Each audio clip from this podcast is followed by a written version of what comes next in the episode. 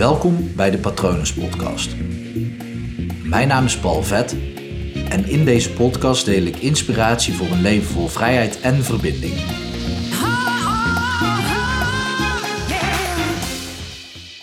Je kop in het zand steken is natuurlijk super fijn. Ja, super fijn, want op het moment dat je dat doet, dan ja, het wordt donker, dus je ziet je problemen niet. Dat is al fijn. Het wordt natuurlijk ook gewoon lekker helemaal stil om je heen. Ik helemaal geen last van gedoe om je hoofd heen. Het is lekker rustig. Ja, ik kan er al uh, wel aan wennen, denk ik. Gewoon lekker met je hoofd in het zand en lekker rustig. Ja, dat is fijn. Aan de andere kant is natuurlijk wat je dan niet ziet. Nou ja, in eerste instantie is het wel lastig ademhalen natuurlijk. Dus je krijgt weinig lucht. Je verstikt dat deel van jezelf waar je je voor verstopt. Want ja, dat krijgt geen zuurstof.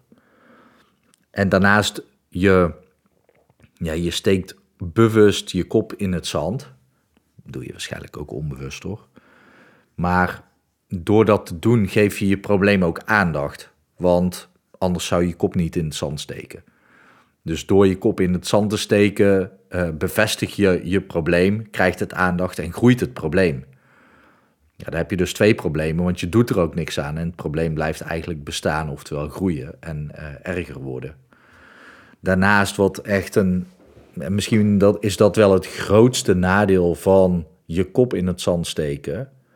Het is zo ontzettend eenzaam. Want met je kop in het zand kan je je gewoon niet verbinden met een ander. Je hebt geen connectie met een ander. Dat is er gewoon niet. Ja, misschien met Henk de Mol die even voorbij komt gegraven. Maar ja, die houdt van duisternis. En ja, duisternis is niet zo fijn. Dan ga je depressief doen en zo. En als je dan ook nog eenzaam bent, of je eenzaam voelt, dan ja, dat is gewoon geen fijne plek.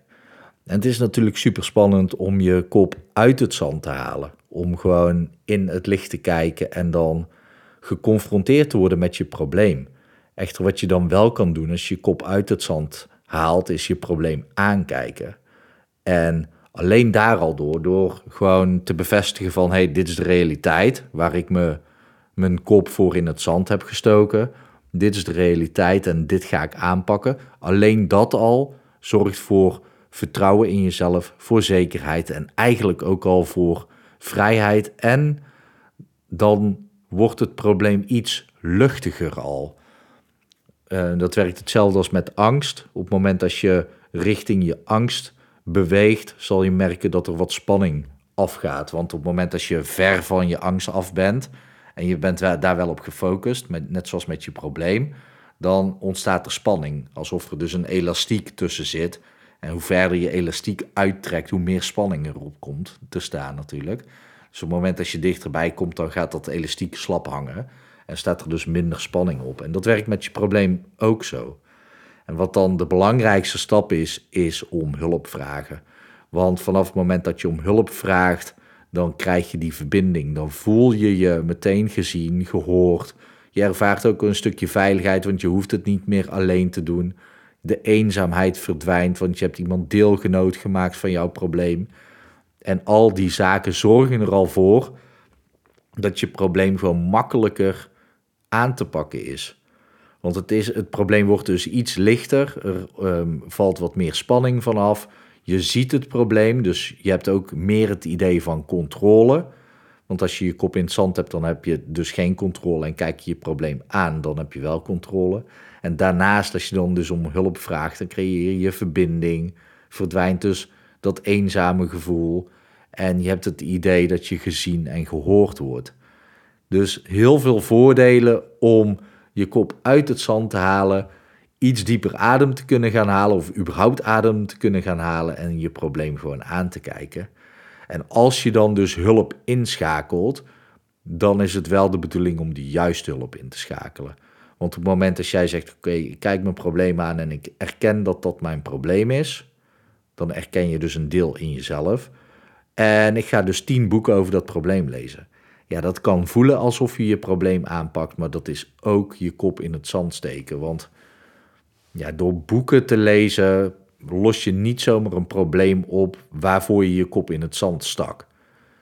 Uh, het kan wel, maar dan zou dat na een half boek of na een, een, derde van het boek, zou dat eventueel al opgelost kunnen zijn. Als het na één boek niet is opgelost, kan je boeken blijven lezen of artikelen blijven volgen, podcastafleveringen erover blijven luisteren.